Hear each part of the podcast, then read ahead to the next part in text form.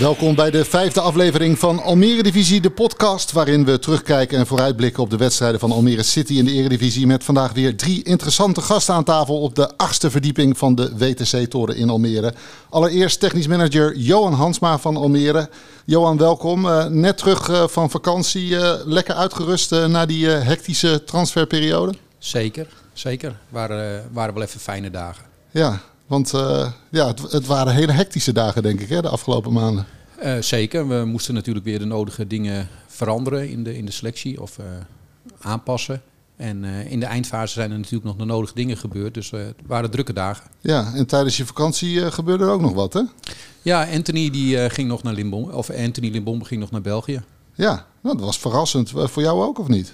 Nou, in die zin niet zozeer verrassend. Ehm, wel het moment, want het was wel echt op het laatste moment. Ja, want waarom laten jullie hem gaan? Heel veel mensen zeggen van, uh, nou, een van je meest gevaarlijke aanvallers en die laten jullie gaan en je kan er nu misschien helemaal geen nieuwe speler voor terughalen. Nee, dat klopt. We konden niks meer terughalen. Maar een van de dingen waar je tegenaan loopt is natuurlijk dat, uh, dat zowel de, de staf en de speler wel hetzelfde idee moeten hebben over de dingen die, uh, die moeten gebeuren. En waar je voor staat qua speelwijze. Ja, en als daar een beetje verschil van inzicht is, dan, dan kun je het beste dan naar een oplossing zoeken. En die hebben we gevonden. Waarbij ook nog aangetekend moet zijn dat uh, natuurlijk de familie van Anthony in België woonde. Dus dat zijn ook nog dingetjes die meespelen. Ja, maar er was dus duidelijk een verschil van inzicht. Hij wilde niet uh, uh, in, de, in de pas lopen. Nou, niet in de pas lopen, dat wilde hij wel. Maar het, je mag natuurlijk een verschil van inzicht hebben over, over bepaalde speelwijzen. Ja, en je hoort ook wel in de wandelgangen dat hij ook niet zo heel goed in de spelersgroep lag. herken je dat of niet? Nou, die vraag die zou je eigenlijk aan Tim moeten stellen, want ik ben niet een speler. Het enige wat ik wel kan zeggen is dat, uh, voor zover ik dat in kan schatten en gezien heb. Uh, kijk, als je in een, in een, selectie is niet iedereen bevriend met elkaar. En dat is heel normaal. Maar als je kijkt naar hoe hij zich uh, binnen de selectie heeft gedragen, denk ik dat dat hartstikke prima is.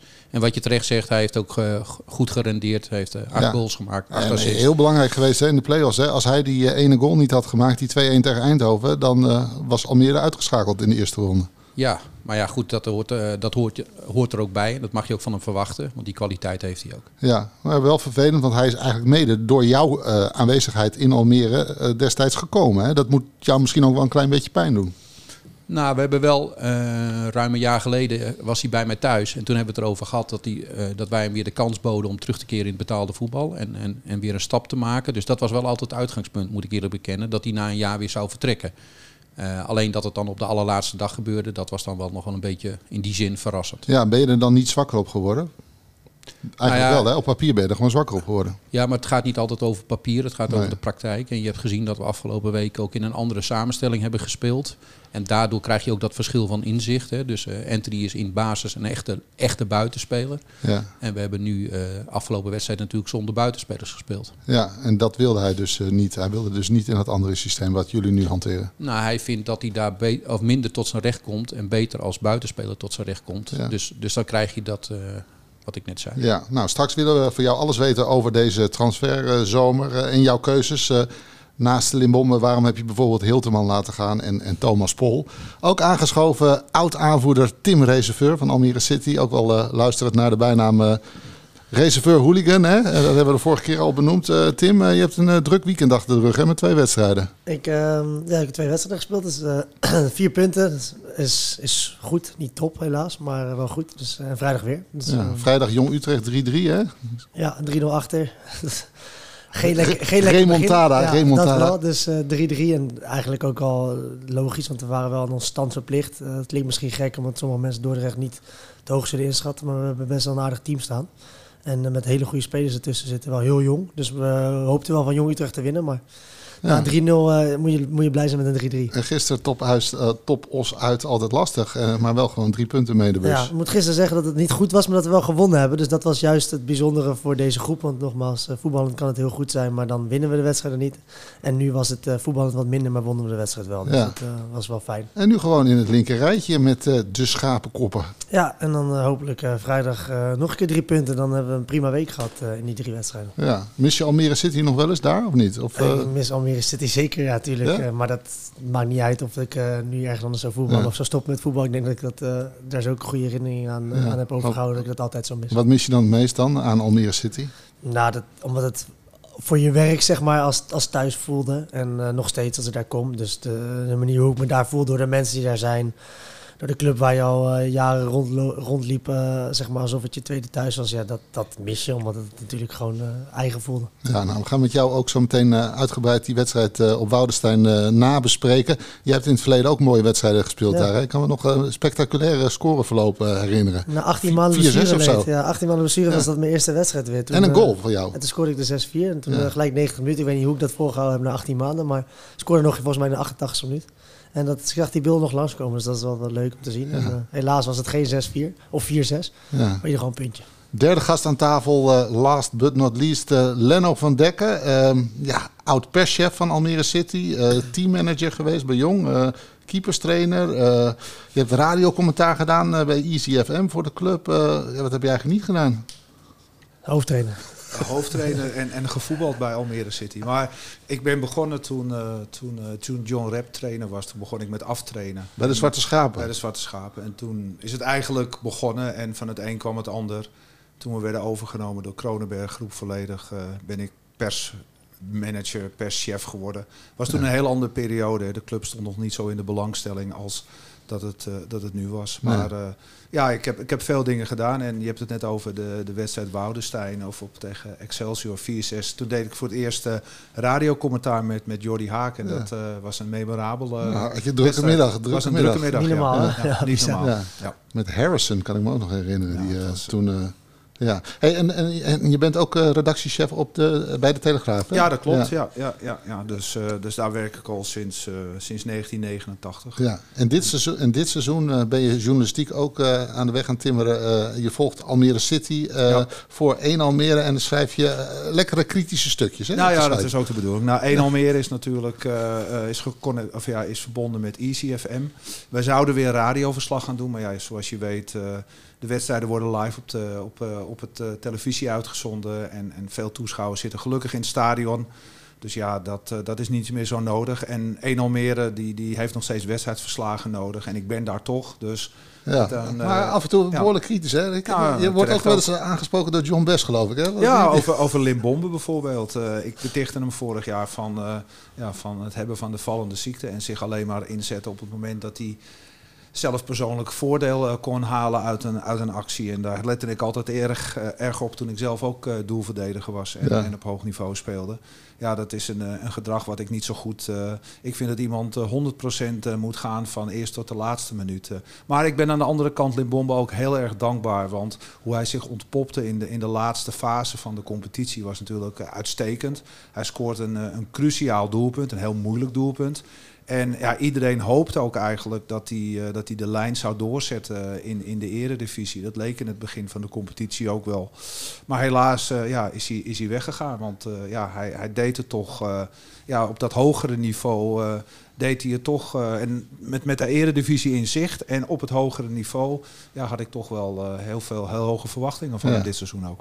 Okay, nou met jou gaan we zo meteen ook uh, terugkijken op dat uh, historische punt uh, op Woudenstein. Ook aanwezig daar was natuurlijk onze speciale verslaggever Joep. die heeft, daar gaan we ook zo even mee terugkijken.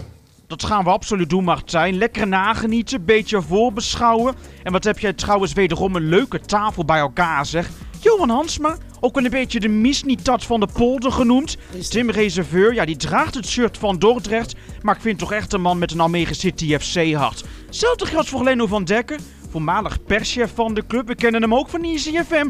Wat vormde hij een leuke tandem, zeg, met Tim de Vries. Ga ervan genieten. Mooie uitzending. Ik spreek jullie later. Ja, dat was uh, Joep. Uh, later komen we nog eventjes bij hem terug. Uh, maar eerst dat allereerste historische punt op Woudenstein van afgelopen zondag. Johan, eindelijk van die hatelijke nul af. ja, jullie snakten ernaar, hè? Ja, we snakten er zeker naar. Want we waren er natuurlijk al twee keer dichtbij geweest bij Fortuna uit. En ehm, ook tegen PEC. Ja. Uh, Fortuna uit krijgen we volgens mij in blessuretijd nog een enorme grote kans van Hamdi Akuyobi. Die er niet in ging. Dat had er 2-2 moeten zijn. En tegen PEC komen we terug naar, uh, naar de 1-0 achterstand 1-1. En uh, binnen een minuut verliezen we hem toch nog weer met 1-2. Dus wat dat betreft snakten we daarna. Aan de andere kant reed ik ook wel naar huis met toch wel het gevoel dat we ook twee punten hadden laten liggen. Ja, het hadden er gewoon drie moeten zijn, toch? ja, als je kijkt naar de kwaliteit van de kansen die we gehad hebben, dan hadden we moeten winnen. Maar goed, uh, in, de, in de slotfase kon het. Ik had wel een beetje een pek uh, gevoel. Want ze kregen nog een dot van een kans, hè? Die, die kopbal. Dat had jullie een, een, een negatief record op, uh, opgeleverd. Want er was nog nooit een promovendus geweest die de eerste vijf wedstrijden verloren had. Dat is je bespaard gebleven in ieder geval. Nou, gelukkig kopte hij naast. Ja, nou goed, uh, we gaan ook even luisteren naar Alex Pastoor na afloop van die wedstrijd. De trainer van Almere City. Ja, dat gevoel heb je zeker na, uh, na afloop van de wedstrijd. Die wij uh, nou, toch over het algemeen volledig onder controle hadden. de grootste fase in de wedstrijd ook dominant waren. De beste kansen hadden. Dus ja, ik kan dat beamen. Ja, ben je dan heel teleurgesteld momenteel? Um, nou, zo direct na de wedstrijd heb ik dat wel. wij zijn ook blij met een punt hoor. maar ik denk dat zij daar blijer mee zijn dan wij. Tim, uh, waar heb je die wedstrijd gekeken? Ik heb hem half moeten kijken, want ik had twee kinderen thuis zonder vrouw die middag. En ik moest daarvoor ook nog trainen, dus uh, ik was uh, laat thuis. Ja. Um, dus ik heb uh, s'avonds gekeken nog en ik heb denk ik een paar keer min minuten lang en ik eigenlijk niet super ja. geconcentreerd helaas. Maar ja, wat ik ervan, ik heb nog wat jongens gesproken daarna ook nog. Ja, ja. uiteindelijk is het zonder dat het de punt is, want ik kreeg wel het gevoel van wat ik gezien heb en meegekregen heb, dat al meer ja, eerder verdienen dan Excelsior. Zoals je Marines Dijkhuizen dat ook zag zeggen. Of in ieder geval zijn na de wedstrijd. Ja. Dus, um, ja, ja, maar je, je, volgt Almere City dus nog steeds wel heel goed. Hè? Ik zag je trouwens volgens mij laatst ook in, in de Kuip. Het zat je ook in een box, hè? Ja, dus, ja onder andere met Johan. Dus uh, nee, ik volg dat het was heel... niet zo leuk, hè? Nee, dat was minder leuk. Nee, nee dat, uh, de plek was goed, maar dat, uh, dat was ook het enige. Maar ja. um, nee, ik volg het natuurlijk... Als ik, normaal gesproken, als ik geen twee kinderen thuis had gehad die ik alleen moest doen, zeg maar die middag, dan had ik ook die wedstrijd gewoon helemaal geconcentreerd gekeken. Maar dat kwam even niet uit. Maar normaal gesproken kijk ik elke wedstrijd live, ja. of ik ben er. Voor de neutrale toeschouwer was het niet een hele spectaculaire wedstrijd. Want in die zin uh, kon je die kinderen er wel bij hebben, denk ik. Uh, ja, dat was maar zo neutraal ben je niet natuurlijk. Nee, ik ben niet neutraal. Het was, ja, ik denk dat je wel kan inschatten dat het niet de leukste wedstrijd was om te kijken. De uitslag 0-0 is sowieso nooit het leukste om, om te kijken. Maar uiteindelijk is het wel uh, waar Almere naartoe moet. Is dat het natuurlijk gewoon heel stabiel en degelijk gaat worden. En het, en het punten gaat spokkelen. Maar liefst al drie. En, en ik denk dat de kracht van Almere sinds Alex Pastoor daar trainer is, is dat het, dat het degelijk en stabiel is. En dat is dat die basis, die, uh, daar moeten ze weer naartoe nadat de eerste vier wedstrijden verloren werden. Dus ja, ik denk dat dit wel een goede stap is uh, in die richting. Leno, jij was ook aanwezig op de perstribune uh, op Woudenstein. wat opviel was een bomvol uitvak hè, met Almeerders die verbaal, vocaal boven alles uitstaken. Dat... Ja, dat is, uh, is elke, elke wedstrijd weer uh, verbazend inderdaad. Uh, en, en het was nu wel een heel erg vol vak. Dus het, ja, we kunnen constateren dat het enorm leeft in Almere. Ja, dat is, dat is anders geweest, toch? ja, ze willen ja. er natuurlijk allemaal bij zijn. Tim, daar weet je alles van. Nee, ja, dat was in de tijd dat ik er ook kwam, natuurlijk. Ja. Maar dan is het nog veel, veel langer. Tien uitsupporters. Ja. Dat soort zaken en allemaal. nu nokkie, nokkie, nokkie ja, vol. Nokkie, nokkie. Ja. Klopt. En wat ook wel mooi is, Excelsior is wel een hele vriendelijke club. Hè? Wat, ja. ik, ik kon mijn auto parkeren in de, in de uh, garage bij de Erasmus. En ik zag daar allemaal Almere supporters ook. En die waren allemaal in shirtjes en zo. En die, konden ook gewoon, die moesten nog een hele wandeling maken naar het uitvak. Maar dat kon allemaal. Ja, het is eigenlijk heel normaal, maar... Ja, die vliegt gaat, gaat niet altijd op. Nee, dat gaat bij andere stadions wel anders. Onder zware politiebegeleiding, afgesloten terreinen waar ze pas uh, laat van mogen vertrekken. Maar uh, het verbaasde mij inderdaad ook. Uh, alle keurig in het zwart gehulde supporters, die, die liepen vrolijk tussen, tussen de mensen van Excelsior. Ja. Ging allemaal goed. Ja. Nou, gaan we de wedstrijd er even goed bij pakken. Johan, jullie begonnen met drie centrale verdedigers. en de wingbacks, Akuyobi en Royo. Uh, zo speelden jullie ook in die goede tweede helft uh, tegen PEC Zwolle. Hè? Uh, is dit het systeem waar je het meest overlevingskansen hebt in de eredivisie? Nou, wat je krijgt is dat je meer zekerheid achterin bouwt. En wat Tim net al zei, het is natuurlijk belangrijk om stabiel te zijn. Ergens op terug te kunnen vallen. nou ja, en dat is met dit systeem is dat iets makkelijker. Ja, want, maar het werkt wel, hè? want je, je zag het, uh, die eerste wedstrijd kreeg je 14 tegengoals. Nou, tegen PEC, ja, je, je kreeg nog wel die, la, die laatste, die vervelende goal van Vellius. Maar nu voor het eerst in ieder geval uh, nul tegendoelpunten. Ja, maar ik vind wel dat je ze alle wedstrijden dan even individueel moet bekijken. Ik bedoel, tegen Twente uh, blijven we lang in de wedstrijd, krijgen we de rode kaart van Verbrugge. En volgens mij beide goals, de, de 1-3 en de 1-4, vallen in extra tijd. Dus, van Wolfswinkel, ja. Daar moet je de ploeg een compliment geven dat ze op dat moment speelden om de 2-2 over de hè, binnen te halen. Dus, dus nou ja, Feyenoord uit, daar hoeven we het niet over te hebben. Maar ja. in die zin zijn we niet de enige ploeg die afgeslacht wordt door Feyenoord. Maar daar waren we wel heel erg open. Ja, en Fortuna, wat ik al zei, daar hadden we 2-1 van verloren. Nou ja, en, ja. en PEC ook ongelukkig. Dus wat dat betreft Ehm, Twente en Feyenoord zijn natuurlijk gewoon zware tegenstanders. Ja, 14 tegengoals in die eerste vier duels. Uh, nu dus wat meer zekerheid. Is, is Almere te naïef geweest, uh, Tim, in die eerste wedstrijden in de Eredivisie? Ik denk dat je het ook niet heel goed kan inschatten nog op voorhand na voorbereiding hoe je erop staat ten opzichte van het niveau wat in de Eredivisie uh, gespeeld wordt. Maar ik, ik snap wel dat je, dat je overgaat naar, naar drie verdedigers en uh, in ieder geval naar, naar vijf achterop. Dat kun je trouwens ook heel aanvallend spelen. Uh, die discussie heeft Louis van Gaal heel vaak in de media gevoerd. Maar, ja. um, en ze speelden ook aanvallen. Ja, precies. Je Ja. kan natuurlijk heel hoog druk zetten. Want het is Ja. vrij simpel. De wingbacks door op de backs van de tegenstander en de twee spitsen door op de centrale. En dan uh, staat het bijna overal één op één. Dus dan, uh, dan sta je heel hoog druk te zetten. Alleen uiteindelijk met de type spelers die Almere nu ook opstelt, uh, daar refereerde je net al even aan, wordt het wel iets stabieler helemaal in deze formatie. Waardoor ja, de kans op minder kansen tegen groot is. Ja, en uh, is misschien ook een goede oplossing voor uh, de positie van uh, Cheryl Floranus. Hè? Want die stond die eerste wedstrijd de linksback. Ja. Maar die is gewoon puur rechts. Dat zie je aan alle kanten. En nu, nu is hij de meest rechtse centrale verdediger. En het gaat dan niet ten koste van Akuyobi. Dus dat is misschien wel een mooie oplossing. Nou, ik vond het inderdaad een mooie oplossing. En ik, en ik wil ook benadrukken dat de rol van Noordin Bakker toch ook niet uh, weggestreept mag worden. Dat vind ik een uh, uitstekende keeper. Hij heeft ons natuurlijk uh, in de eindfase er doorheen gesleept. Maar als je ziet wat voor ballen hij pakt en met wat voor rust hij in het, in het doel staat. Ja, dat is toch ook wel een hele belangrijke factor. Ja, absoluut. Er zijn heel wat situaties geweest. Daar hadden nog meer tegendoelpunten in de Eredivisie kunnen vallen, laat ik ja. het zo zeggen. Ja, het is voor hem wel even wennen natuurlijk. Hè. Vorig jaar was hij Mr. Clean Sheet en uh, een en andere, andere uh, nul tegendoelpunten. En nu al 14. Uh, ja, maar ja. je zag in de keukenkampioen-divisie, hè, daar had je sommige ploegen die hebben dan het geld uitgegeven aan, aan jongens die heel veel scoren. En in de eredivisie lopen die jongens gewoon uh, in elk team rond. En, en ja, dan, die scoren wat makkelijker. Hè? Ja, uh, Johan, ik had het net even over Cheryl Floranus. Uh, dat, is, dat is toch geen linksback? Dat is toch eigenlijk gewoon een rechtsback? Of een, een, een centrale verdediger? Nou, waar het om gaat is dat bij de samenstelling van de selectie... dat je alle posities dubbel bezet uh, probeert te krijgen. Zodat de trainer keuzes heeft. Um, daar gaat het voornamelijk om. Nou, het voordeel van Cheryl is dat hij zowel rechts als linksback kan spelen. In de nationale ploeg speelt hij linksback. Ja. Um, dus in, vanuit die gedachte. En heeft ook bij Sparta onder Alex uh, ook linksback ja. gespeeld.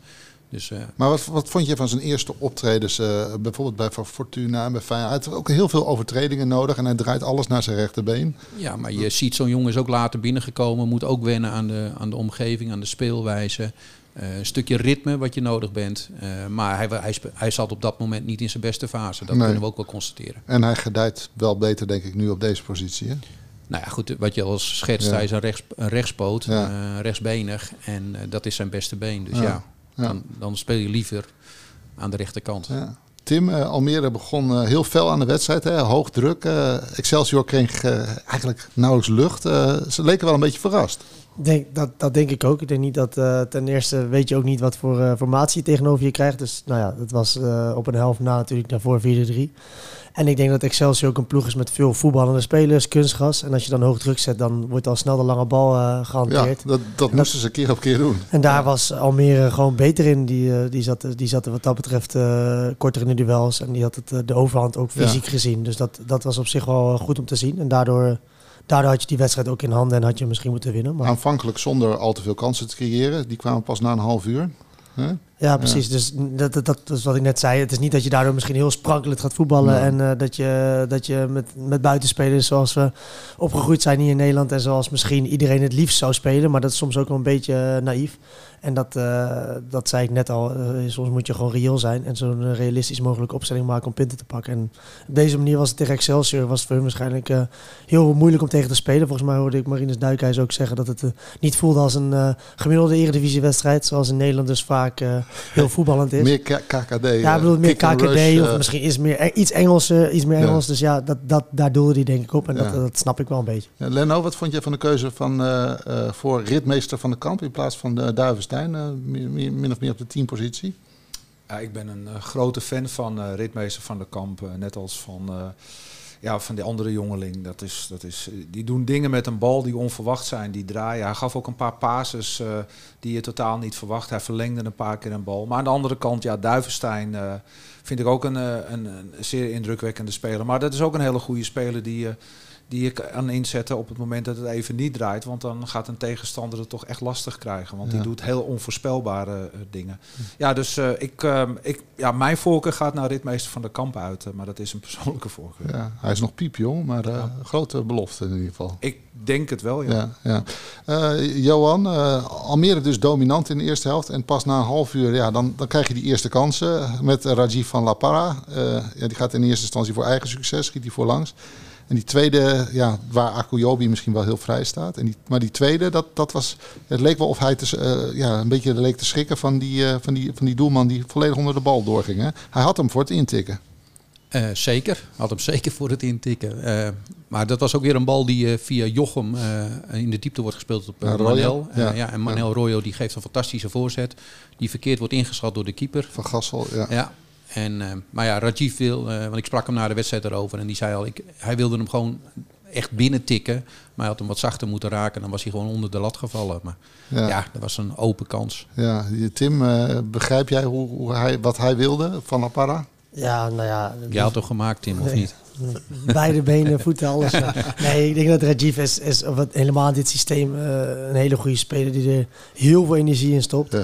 Kijk, het is geen, uh, geen spits puur zang, het is hier nooit geweest. Ik ken hem eigenlijk al vanaf vroeger en dan was dat de rest buiten. Maar die kan op al die posities spelen. En ja, je moet er niet vanuit gaan dat hij de 30 gaat maken, zoals een, uh, een muur uh, bij Cambuur.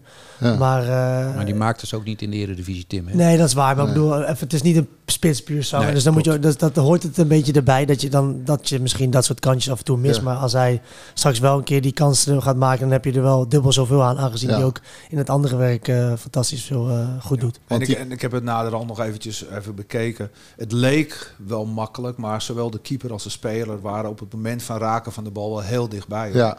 Dus het had echt wel een ja. perfecte touch met, met, met, met wat kracht laag moeten zijn. Want ze waren echt heel dichtbij. Maar, maar goed, die kan, de bal die, eigenlijk te goed. Ja. ja. Dat was het. Maar die kans in de tweede helft, na een uur spelen, toen hing de 0-1 echt nadrukkelijk in de lucht. Almere domineerde. Dat was een 1 op 1, hè? Dat was een uh, die, die, die, moest echt absoluut hangen. Ja, en mooi overstapje, mooi overstapje ging eraan vooraf. En uh, ja, toen kwam hij alleen op de keeper af. En de keeper, uh, even kijken, steekt ze, ja, zijn rechter, zijn linkerhand omhoog. En, en naast zijn oren krijgt hij hem tegen zijn hand ja, aan. En wat we dan vergeten is dat Duivenstein misschien ook wel gewoon die rebound moet maken.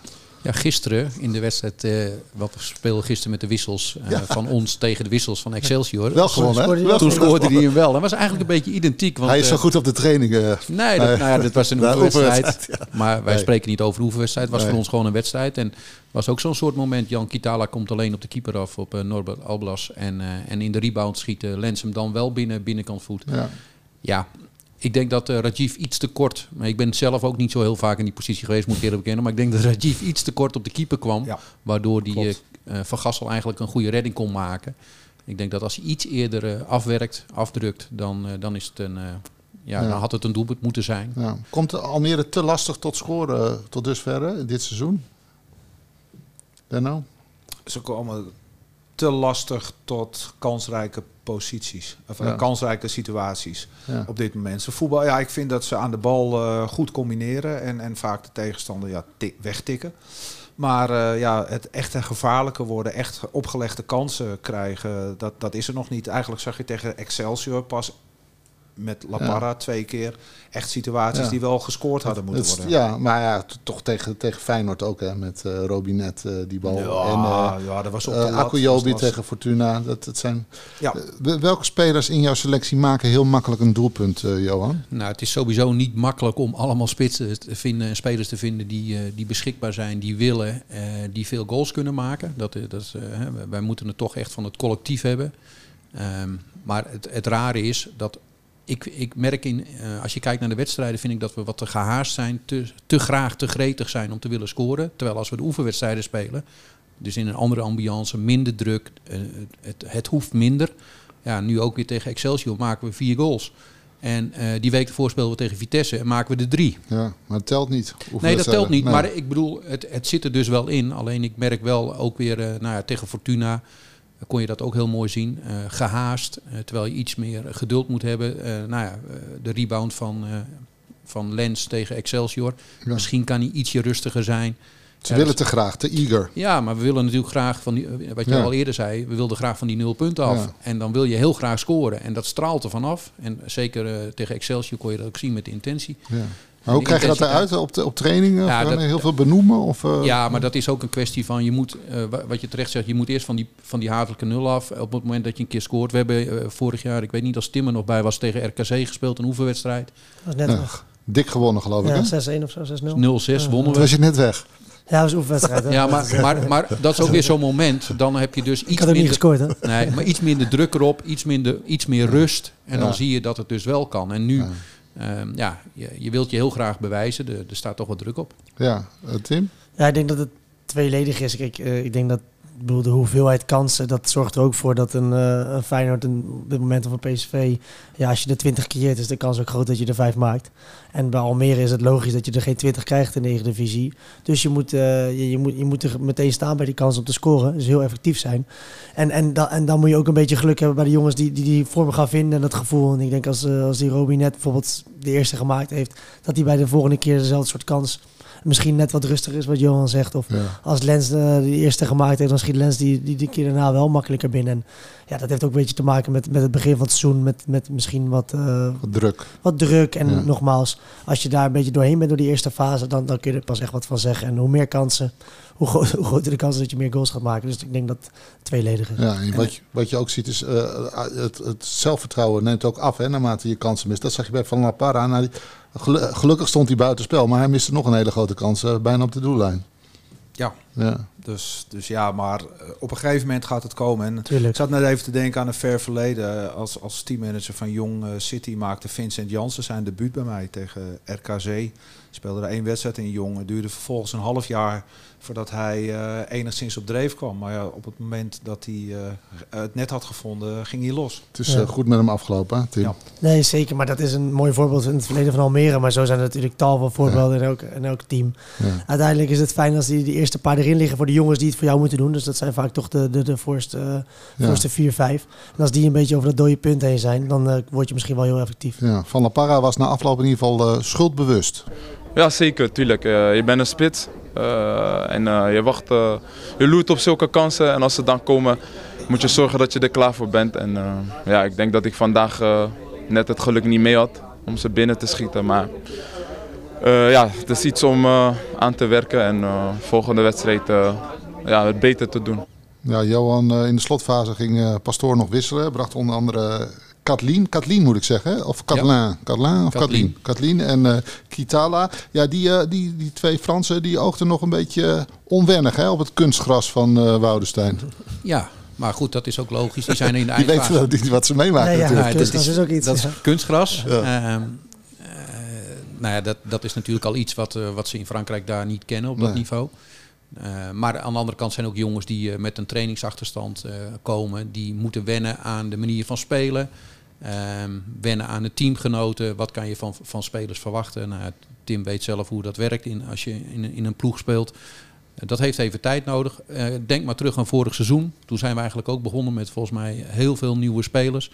Nou, de eerste zes wedstrijden verloren we er volgens mij vier, Tim. Dat weet ik niet precies, maar het was geen goede start. Geen goede maar het was start. geen goede start. Nee. Nee. Maar het belangrijkste is, en dat is eigenlijk de, de, de belangrijkste les ook weer voor dit seizoen, is dat we ontwikkeling moeten door blijven maken. We moeten stabieler worden in het verdedigen. We moeten betrouwbaarder worden en we moeten meer kansen creëren. En dan krijg je wat Tim net al zei. Dan hebben we meer kans op goals te maken en dus meer kans op wedstrijden te winnen. En daar gaat het uiteindelijk om. Ja, de wedstrijd eh, eindigde dus uiteindelijk in 0-0. Eh ene kant is de blijdschap, andere kant te- teleurstelling. want het hadden er eh, drie moeten zijn. Verslag, eh, verslaggever Joep was er ook. dit keer niet op de perstribune. Klopt helemaal, Martijn. Ik zat op het puntje van mijn stoel daar in het uitvak van Woudenstein.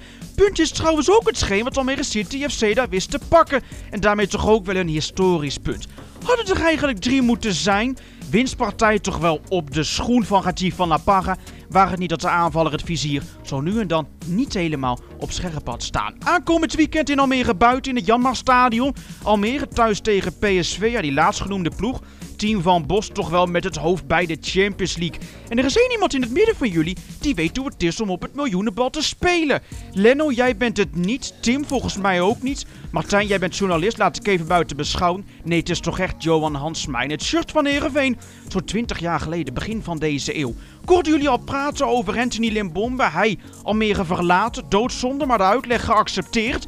Jerry Hulteman, jij die speelt nu voor Willem II. Thomas Pol draagt het shirt van Sportclub Cambuur. Twee publiekslievelingen, kunnen we niet ontkennen, die die club Almere City FC hebben verlaten. Duik daar toch even diep op in, Martijn. Ik vind het doodzonde. En Johan Hansma, ik verwacht eerlijke uitleg. Twee lievelingen die de polder hebben verlaten. Doodzonde. Ja, dat is een mooi bruggetje van uh, Joep. Uh, want we gaan het hebben over uh, deze transferzomer, Johan Hansma. ja, je haalde de ene na de andere Franstalige speler. en het leverde jou een, een, nieuwe bijnaam op, hè? Ja, dat heb ik begrepen. Vorig jaar was het een, Spa een Spaanse. En, uh, Johan Fransma, hè, voor de ja, duidelijkheid. dat is nu. En daarvoor was het, uh, was het Juan. Hè, Juan, ja, Juan. Ja. En, uh, Klinkt ook wel lekker. Jij zat niet Juan. bij dat lijstje, Tim, Juan. van spelers die weg zijn gegaan in publiekslieveling, hoorde ik net. Maar goed. En toen, te lang geleden alweer. En toen ging je ook nog op vakantie naar Frankrijk. Ja. ja. maar goed, Robinet, uh, Kathleen, uh, Kitala, uh, Beso, allemaal op huurbasis, hè, behalve ja. dan Robinet. zijn dat spelers die niet in Nederland te vinden zijn, Johan? Laat ik vooropstellen, en dat heb, dat heb ik ooit Tim ook wel eens uitgelegd. We kijken altijd eerst naar de Nederlandse markt. Dus de spelers die beschikbaar zijn, dat heeft onze voorkeur. Um, nou, en dan, dan kom je in de situatie. Laat ik vooropstellen, we beginnen met een profiel. Dus profiel wat we zoeken per positie.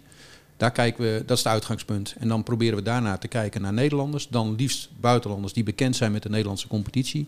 En als dat niet kan, dan kom je dus in het buitenland uit. Ja. En dat, is dit, dat laatste is eigenlijk het geval. Want deze, deze jongens zijn allemaal niet bekend met ja, om diverse redenen ja. zijn bepaalde spelers waar we wel mee gesproken hebben, waar we achteraan zijn geweest, die zijn niet gekomen.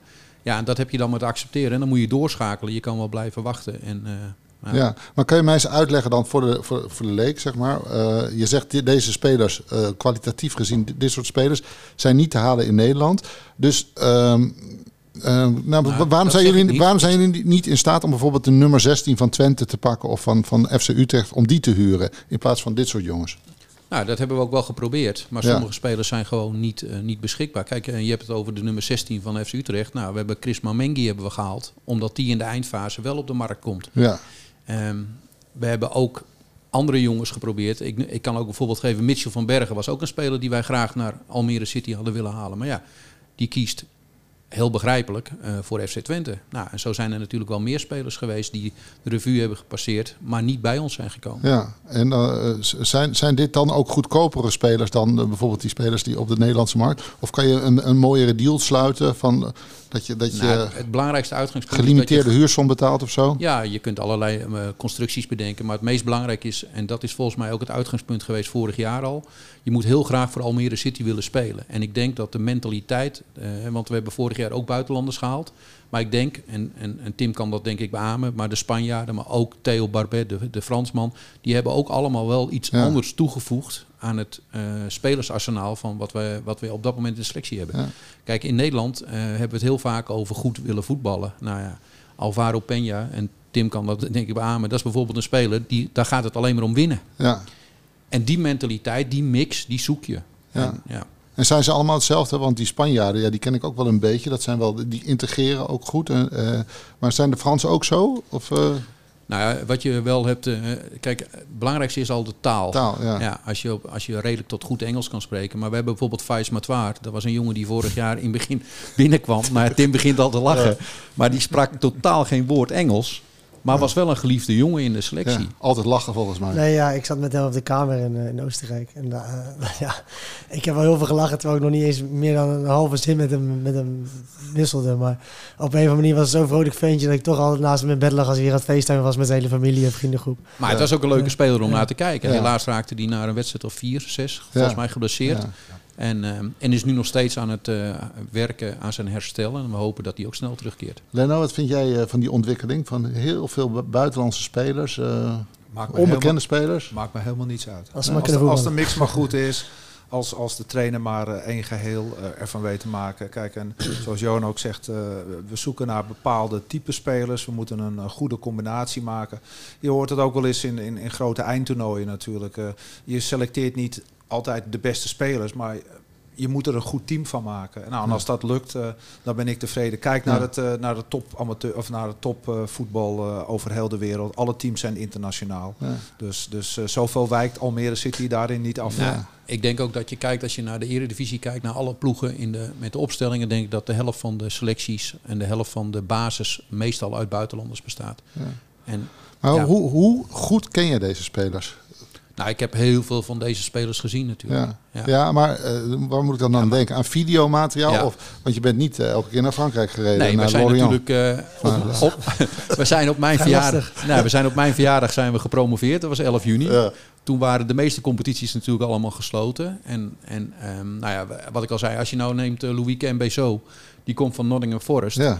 Ja, dat zijn niet spelers die in een eerdere fase dat je denkt, nou die komen even op, Ja. op je radar. Maar die komen op het laatst wel op de radar, omdat hij niet in de Premier League aan het spelen Nee. toekomt. Maar die heeft nog nooit in het eerste van Nottingham Forest gespeeld, toch? Nee, heeft niet, ja, Nee. niet in een officiële wedstrijd. Ja. Nee. Dus dan zie je allemaal beelden van wedstrijden op, eh, in het belofte elftal of uh, Ja, lager. maar hij, vorig jaar heeft hij de helft, eh, de, in, na de winterstop is hij verhuurd geweest naar een ploeg in Frankrijk op League 2 niveau. ja. En daar heeft hij de rest van het seizoen heeft hij 14 of 16 wedstrijden gespeeld. Ja, en, en, en wat maakt jou ervan overtuigd dat die mensen allemaal in de eredivisie passen dan? Want dat, dat lijkt me een hele moeilijke keuze. Van, eh, Ja, maar dat is altijd moeilijk. Ik Ja. bedoel, we hebben vorig jaar eh, ook spelers gehaald uit het buitenland. En dan moet je ook maar afwachten hoe dat eh, matcht met allemaal spelers. Maar, eh, ja. er zijn maar ook, vorig jaar waren het bijna allemaal voltreffers. ja, maar goed, nu moet, kijk, je kan niet eh, een selectie, zeker niet in de Eredivisie, kan je niet een selectie van, van 12, 13, 14 man. Daar kan je het niet meer redden. Wij moeten, zeker bij Almere City, we zullen eh, als team moeten opereren. We hebben iedereen heel hard nodig. We zullen, dat zie je nu al, we krijgen gemiddeld gezien iets meer sneller een gele kaart. Want we spelen meer op het randje, agressiever. Dat betekent dat de posities zeker dubbel bezet moeten hebben. En ten opzichte van de, van de keukenkampioen-divisie moet je ook al, daardoor al meer spelers in je selectie hebben. Ja. Daarnaast eh, was vorig jaar denk ik ook de kracht dat we in verschillende systemen konden spelen. Nou, dat, dat hebben we gezegd, dat moet nu weer. We moeten ons aan kunnen passen, zodat we er zelf sterk uit kunnen komen. Maar aan de andere kant ook de tegenstander eh, kunnen ontregelen of in ieder geval pijn kunnen doen. Nou, Ja. en, en daar zijn we heel erg mee bezig geweest met die mix. Kijk, als je alleen maar een selectie samenstelt die alleen maar 4-3-3 kan spelen, dan kan je ook niet anders dan alleen maar 4-3-3 spelen. Ja. Nou, en wij, wij willen eigenlijk wel die mix hebben van eh, potentiële spelers Ja. op, op meerdere posities eh, inzetbaar zijn. Wat voor type speler mis jij in deze selectie, eh, Tim? Oh, dat vind ik lastig te zeggen. Ik bedoel, ik denk dat Johan het liefst de, de beste spelers haalt, maar niet alles Ja. is mogelijk. Ja. Liefst heb je, heb je vier buitenspelers die je af kan wisselen, omdat de ene geblesseerd is en de andere er weer staat. En waarvan je weet dat hij er tien in, inschieten. Maar je moet gewoon realistisch zijn. Eh, je bent Almere City, je bent geen... je geen, eh, geen Utrecht of Twente eh, met, met alles erop en eraan. Dus, dus ja, de, de, de vijver om in te vissen, die wordt vanzelf wat kleiner als jij een klein clubje bent in de Eredivisie in principe. En ook het budget is niet te vergelijken met een aantal clubs die, eh, die je als concurrent straks, tra- straks hebt.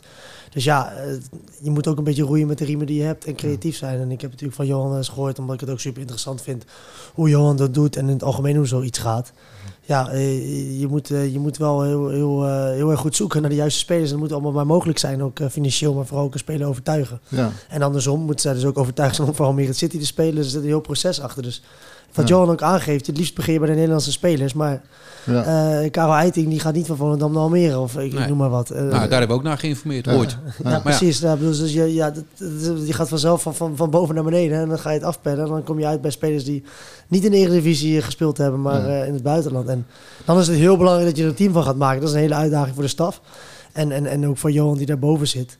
Maar dat, dat is de uitdaging. Dat is Ja. vorig jaar goed gelukt. Jij vindt het eh, interessante materie, eh, want jij hebt misschien ook ambities eh, om later ook technisch di- directeur te worden. hè? Ik vind het heel interessant. Ja, ieder geval technisch directeur of iets eromheen. Ja. En, Daar ligt, je, daar ligt je ambitie na je ik actieve denk het wel, ja, Maar dat wil ik ook nog allemaal uitzoeken. En voorlopig wil ik nog lekker voetballen. Alleen dat zijn wel dingen wat ik over een aantal jaren heel leuk zou vinden. En daarom vind ik het ook leuk om over Johan te sparren met Johan. En, en, en te leren van, van, van mensen die dat nu al dagelijks doen. Misschien een van je opvolgers in de, in Nou, de toekomst bij Almere, technisch manager Tim Reserveur. Nou, ik weet niet hoe lang het geleden is. Ik denk een maandje of zo. Ja, toen was jij keer op de geleden, club. En, ja. eh, Ja. en toen hebben we het er ook een hele tijd over gehad. En Ja. waarom niet? Het is toch hartstikke mooi als mensen die een clubverleden hebben. Ik heb zelf dat bij Heerenveen gedaan. En dat is hartstikke mooi. Alleen ja, het- het- het- de, de levensduur van een technisch manager of technisch directeur is in Nederland helaas niet zo lang. Maar eh, ja, het zou natuurlijk mooi zijn als eh, Tim eh, na zijn carrière, na zijn voetbalcarrière... en dat hebben we ook altijd gezegd, een actieve rol kan spelen voor Almere City. Dat hebben we ook met Agiel gedaan. Ik denk dat dat hartstikke belangrijk is voor de clubcultuur eh, als je dat kan bewaken. Ja. Leno, eh, spits eh, Thomas Robinet, eh, wat voor indruk maakt hij op jou tot dusverre? Als een spits die te weinig scoort. Ja. Wel heel Maar bevlogen, ja, ik, ik, rent ik alle vind, het, ik vind het een goede speler. En eh, hij, uh, ja, hij is er nadrukkelijk aanwezig. En ik hoop dat hij ze er binnenkort in gaat leggen. Ja. En dan, dan, dan ontbreekt dat, dat kleine stuk ook, ook, nog een beetje. Want Johan, jij hebt heel lang achter hem aangezeten. Hè? Wat, waarom ben je zo gecharmeerd van hem? Kun je dat eens uitleggen? Nou, dan kom ik weer terug op het principe wat je nodig bent. Kijk, wij zijn niet een ploeg die alle ploegen in de Eredivisie overhoop gaat spelen. En waar we de hele tijd op de helft van de tegenstander zullen spelen. Dus wij moeten uh, energie leveren en verdedigen, dat begint vooraan. Nou, daarin speelt hij al een hele belangrijke rol. Samen met Rajiv doen ze dat fantastisch. En je had het net over de twee Fransen. Die moeten daaraan wennen, want dat zijn meer de artiesten. Dat zijn meer de jongens die eigenlijk, zoals Limbombe, creatief willen zijn. Maar wij verlangen ook van hun dat ze ook defensieve arbeid leveren. Um, nou, Thomas is wat dat betreft een echte teamplayer. Um, hij heeft nu één goal gemaakt. Ik denk een geweldige goal uit bij Fortuna. Ja, schitterende goal. Uh, daarna, uh, als je nou kijkt tegen de wedstrijd tegen Excelsior... heeft hij eigenlijk niet één echte doelrijpe kans gehad. Dus, ja, eentje dus, bij, de, bij de eerste paal op een gegeven moment. Uh, ja, maar dat is een, een schot die natuurlijk door, door Stijen wordt die teruggelegd. Ja. die wordt geblokt. Ja. Um, maar goed, dan moet je ook een beetje geluk hebben... dat hij misschien door de benen vliegt... waardoor hij in de korte hoek erin gaat. Uh, dus, dus, en, en we hebben natuurlijk de pech gehad dat we, dat we tegen Peck de penalty niet hadden. Want anders had hij gewoon nu ook op twee goals gestaan en in de lijn van iedereen. Ja. ja. Maar is hij bijvoorbeeld een betere spits dan Jerry Hilteman, die jullie hebben laten gaan? Hij is een andere type spits dan Jerry Hilteman. Ja. Maar uh, je vindt dat hij tot dusver prima rendeert. Is, is dit al de speler waar je zo gecharmeerd van was? Nou, hij laat wel dingen zien wat, wat wij uh, hebben gezien van hem. Wat ik ook live heb gezien van hem. Uh, wat, wat ons uh, trekt. nogmaals, dan kom ik weer terug. Wij moeten het hebben van het collectief. En dat betekent, als wij een spits, een luie spits voorin zetten... dan ehm, dat past niet bij de manier waarop wij de wedstrijd beleven... en de intensiteit van onze wedstrijden.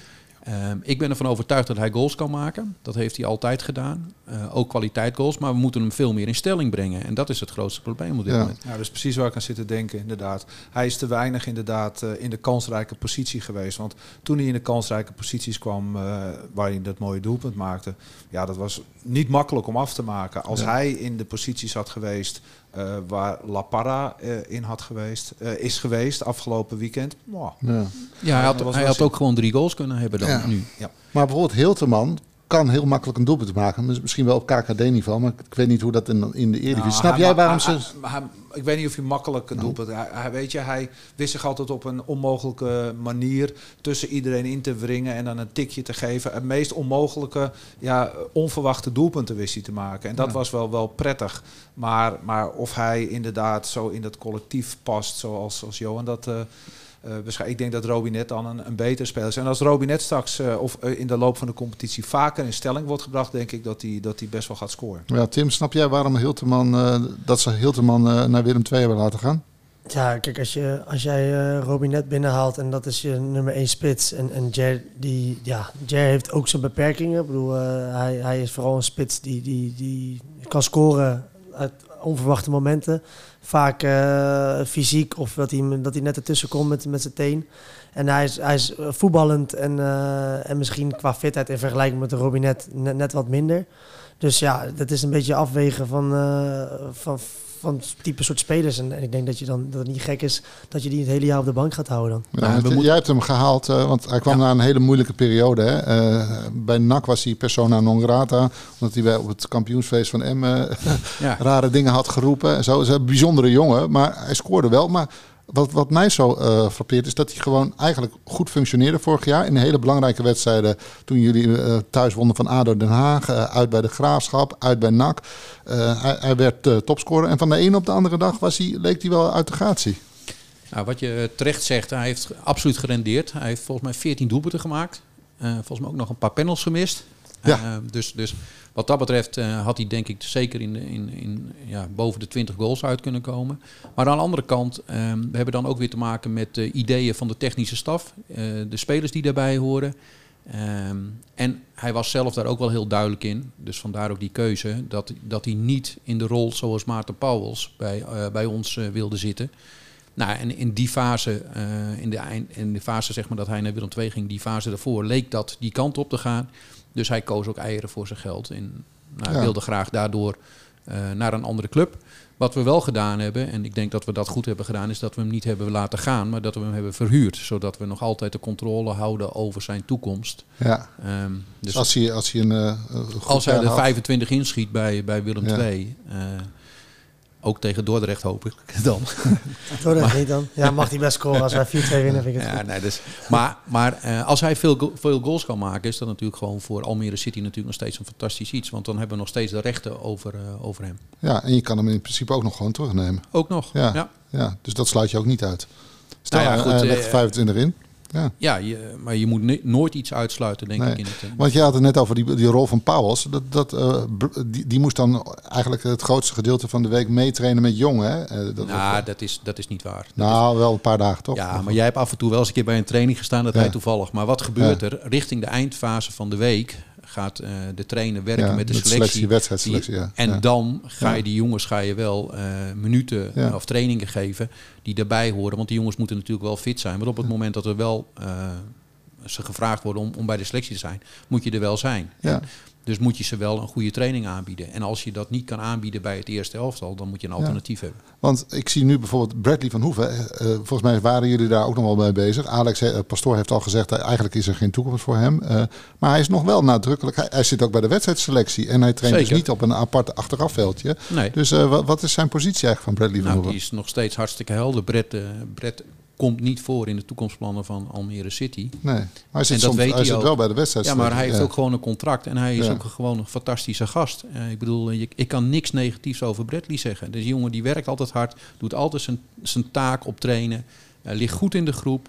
Eh, dus er is ook geen enkele reden. Alleen je, je moet ook naar het sportieve plaatje kijken. En, en als je eerlijk bent, dat hebben we ook met Tim gehad. Als je, als je eerlijk bent en vertelt hoe hun perspectief is bij de club, dan mag de speler daar zelf ook iets van vinden. Nou, Ja. het is het is Bradley, en, en Bradley begrijp ik ook, die, die wil ook niet overal naartoe. Dus die wil ook naar een club die bij hem past. Wat ik ook heel goed begrijp.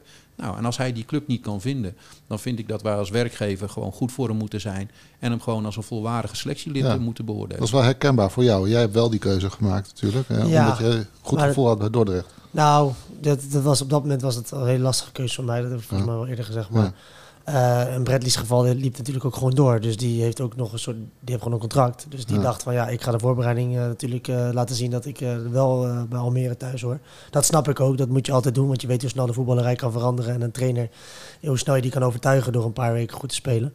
Maar ja, dat is dus niet helemaal gelukt in de voorbereiding. En ik denk dat het voor hem beter was geweest als hij misschien naar een club was gegaan waar hij eh, veel zou gaan spelen. Maar ja, als dat er niet is, dan eh, blijf je zitten en blijf je keihard je best doen.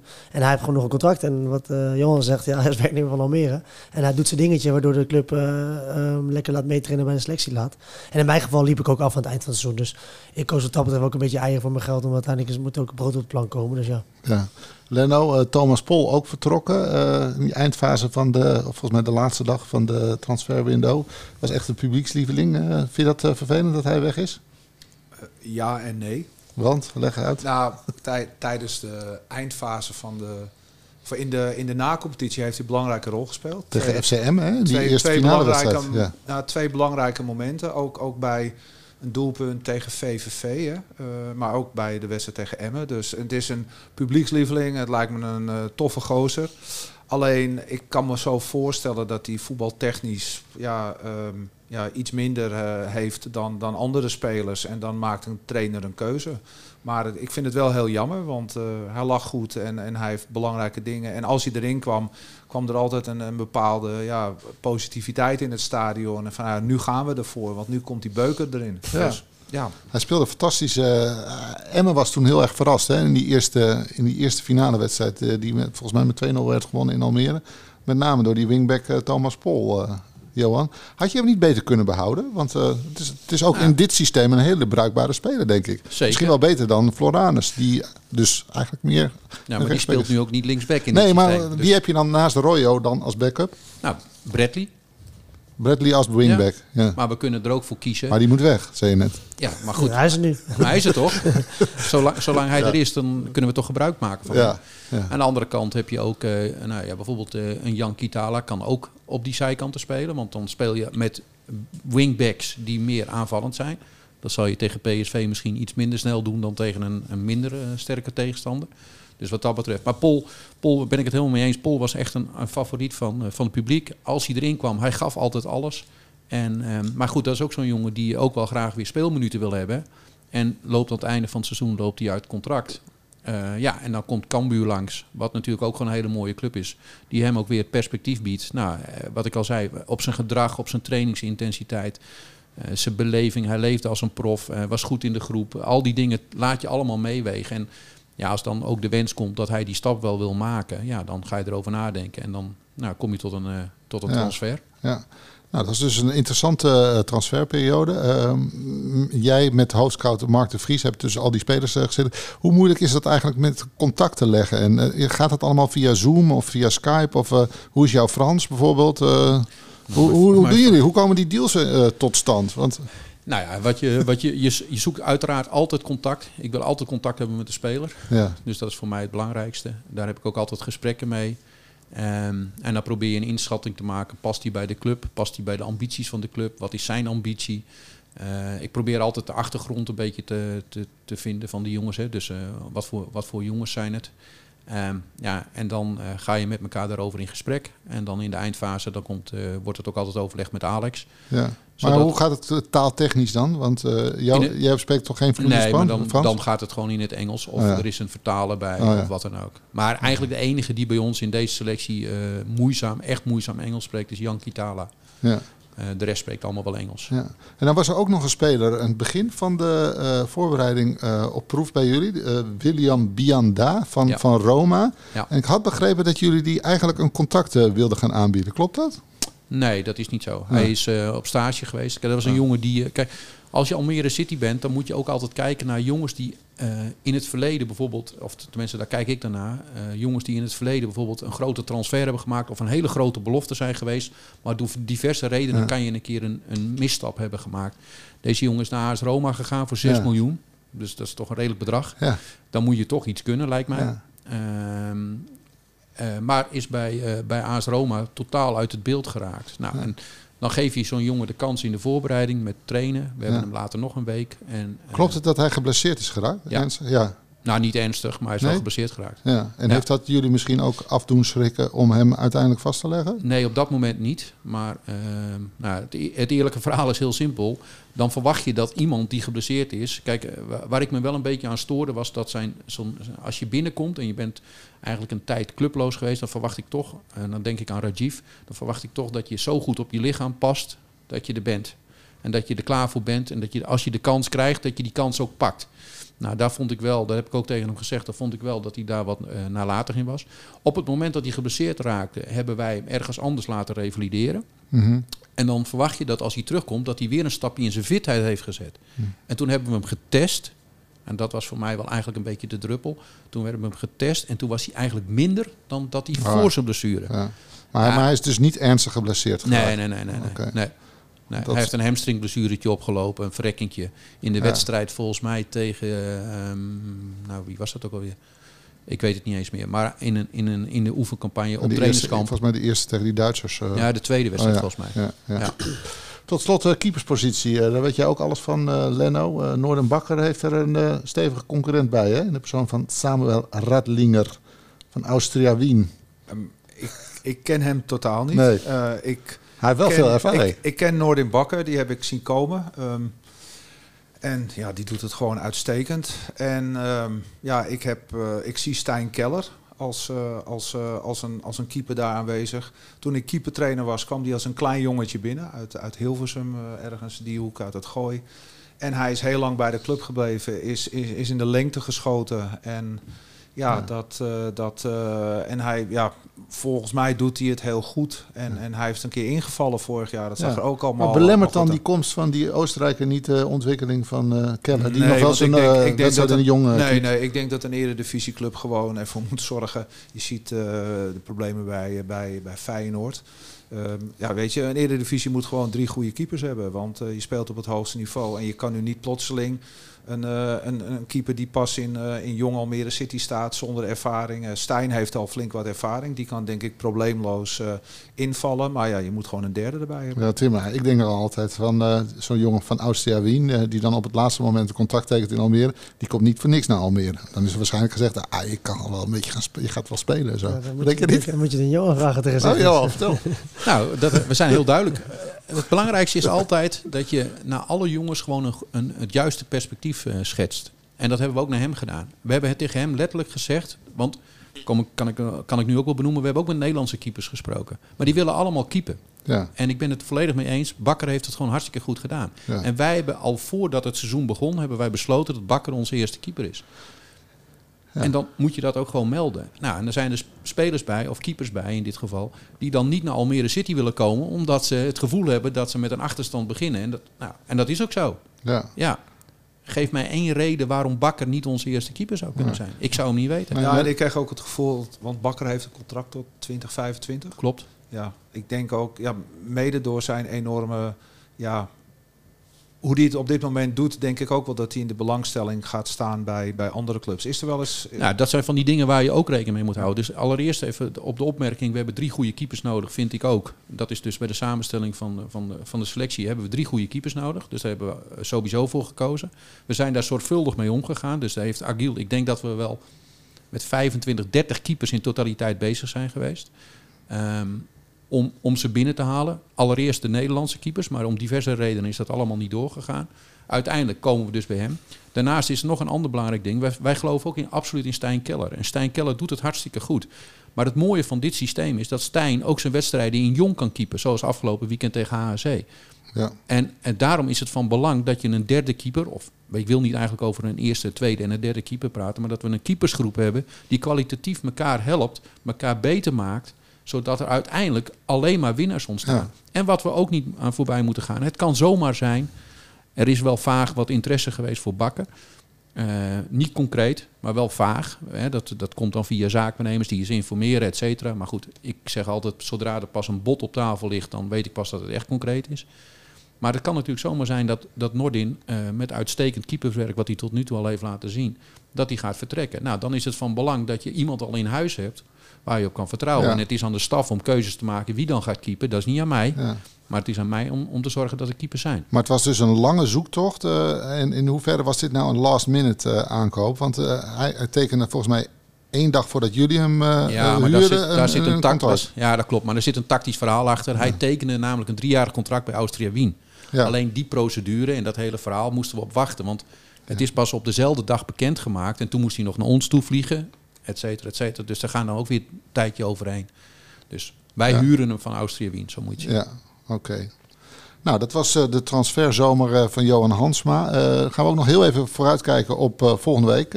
zaterdag wacht PSV, de koploper. die spelen morgen ook uit bij Arsenal. Andere, andere koek. wat, wat zijn jouw verwachtingen, Tim? Beetje hetzelfde toch? Jammer Stadion ja. of Emirates? Emirates, ja. nee, ja. Jammer Stadion is sfeervoller. Ja, eens. Nee, uh, ja, dat we duidelijk zijn. Maken ze enige kans? Maken ze enige kans? Nou ja, je, je, ik denk dat je wel uh, geluk hebt dat je, dat je een PSV treft die, die heel, een heel druk schema heeft. Uh, ze hebben natuurlijk wel een brede selectie gekregen in de laatste weken van de transfermarkt. Maar ja, uiteindelijk je gaat altijd die wedstrijd in om punten te pakken. En ik vind niet dat je jezelf zo moet wegcijferen en moet indekken dat je denkt van uh, hopen dat het 2-0 wordt in plaats van 6-0. Dat vind ik ook uh, dat vind ik niet aan je, aan je stand verplicht als je gewoon in de Eredivisie speelt. En terecht, dan moet je daar ook zulke wedstrijden ingaan om daar punten te gaan pakken. En uh, je kan het PSV echt wel lastig maken en helemaal thuis. Leno, geef jij ze enige kans tegen PSV? Kans heb je altijd. en, en ja, een wedstrijd kan, kan onverwachte wendingen nemen, maar kwalitatief ja, is PSV natuurlijk uh, ja, een stuk ja, beter. En, en, in principe gaan ze winnen. Ja. PSV. Maar zeg nooit nooit. Voor, wel inderdaad, voordeel is dat ze natuurlijk die belangrijke Champions League wedstrijd hebben. Nou, ik weet niet als dat een voordeel is. Nee? Nee. nee. Moet je, Kijk, PSV wil kampioen worden. Peter Bos zal er bovenop zitten. Die wil ook alle wedstrijden winnen. Nou, wij moeten gewoon ons eigen ding doen. Zo goed mogelijk. En uh, ja, en dan gaan we het zien. Oké. Uh, prognose voor de, voor de wedstrijd tegen PSV, Johan? Ja, dat is, Ja, dat is lekker, is eh, Martijn. Nee, dat is een mooie. mooie. Als hij nu een Nou, 1000 euro moet inzetten, wat hij dan Ja. doen. Gewoon even een leuk spelletje. Mag die gokken, hè? Of mag die gokken? Stel je Nee. voor, Nou hypothetisch ja, goed, kijk, laten we eerlijk zijn. Dit soort wedstrijden moeten wij niet onze punten halen. Maar we moeten wel onze huid zo duur mogelijk verkopen. En het zou hartstikke geweldig zijn als wij gewoon heel lang in de wedstrijd kunnen blijven. En dan weet je nooit waar het eh, eindigt. En ik, ik moet eerlijk zeggen, ik heb met, eh, met, eh, in het verleden met Herenveen als speler eh, ook wedstrijden tegen PSV gespeeld. Eh, je bent nooit kansloos als je maar uitgaat van datgene wat je met elkaar zelf eh, op de mat wil leggen. En ik denk dat wij, eh, dat wij, wij, wij kunnen ook verrassen met een keer een gelijkspel. Oké, nou dus eh, 0-0. Eh, Tim? Ja, moet ik dan een reëel antwoord proberen te geven als ik kans Ja. heb met inzetten? Dan denk ik toch eh 0, 1-3. 1-3. Leno? Ik ben bang dat we gaan verliezen. Ik hoop alleen dat het niet met al te grote cijfers is. Oké, tot eh, zover deze aflevering eh, van Almere Divisie, de podcast. Eh, dank Johan. Jij bent alweer druk bezig waarschijnlijk met de wintertransfer eh, window nu. Hè? Net Nou. terug van vakantie, maar eh, Nou, het, het Ja. gaat wel weer beginnen, ja. ja. Nog, trouwens, zo'n Limbombe, speelt er nog iets dat je misschien toch nog eh, een, een, een contractvrije speler misschien eventueel toch nog aan de selectie gaat toevoegen in deze Mm, weken? Nou, ik denk niet dat dat gaat gebeuren. Nee. Tim, komend weekend? Wat was het Eh zet thuis. Oh ja, jongens zet thuis. Ja, Dus, eh, zijn, eh, dan gaan goed. jullie... eh, ja. Leno, jij blijft gewoon een kritische stukje schrijven. Ja, ja. En ik heb er trouwens alle vertrouwen in. Hè? Want, want een collega van mij, eh, die kennen jullie wel, Valentijn Driessen. Ja. Die heeft een hele goede voorspelling gedaan. En voordat de Daar is competitie... hij niet altijd even goed in, toch? Ja, nou, hij heeft Nee. best wel veel prijzen daarmee gewonnen hoor. Dus ja, sommige dingen die, die lopen wat minder goed af. Maar hij is- in zijn prijzenkast staan wat, eh, wat beeldjes eh, waarmee hij de, onder de voetbaljournalisten goede voorspellingen heeft gedaan. Die zei, voordat de competitie begon, eh, ik heb er vertrouwen in. En Almere gaat op de 14e plaats eindigen. Nou, dan gaan we ons eh, daaraan vasthouden. Heren, dank voor jullie komst. Eh, volgende week gaan we dus terugkijken op die wedstrijd tegen PSV en vooruitblikken op die wedstrijd tegen Utrecht uit. Voor nu bedankt voor het luisteren en tot volgende week.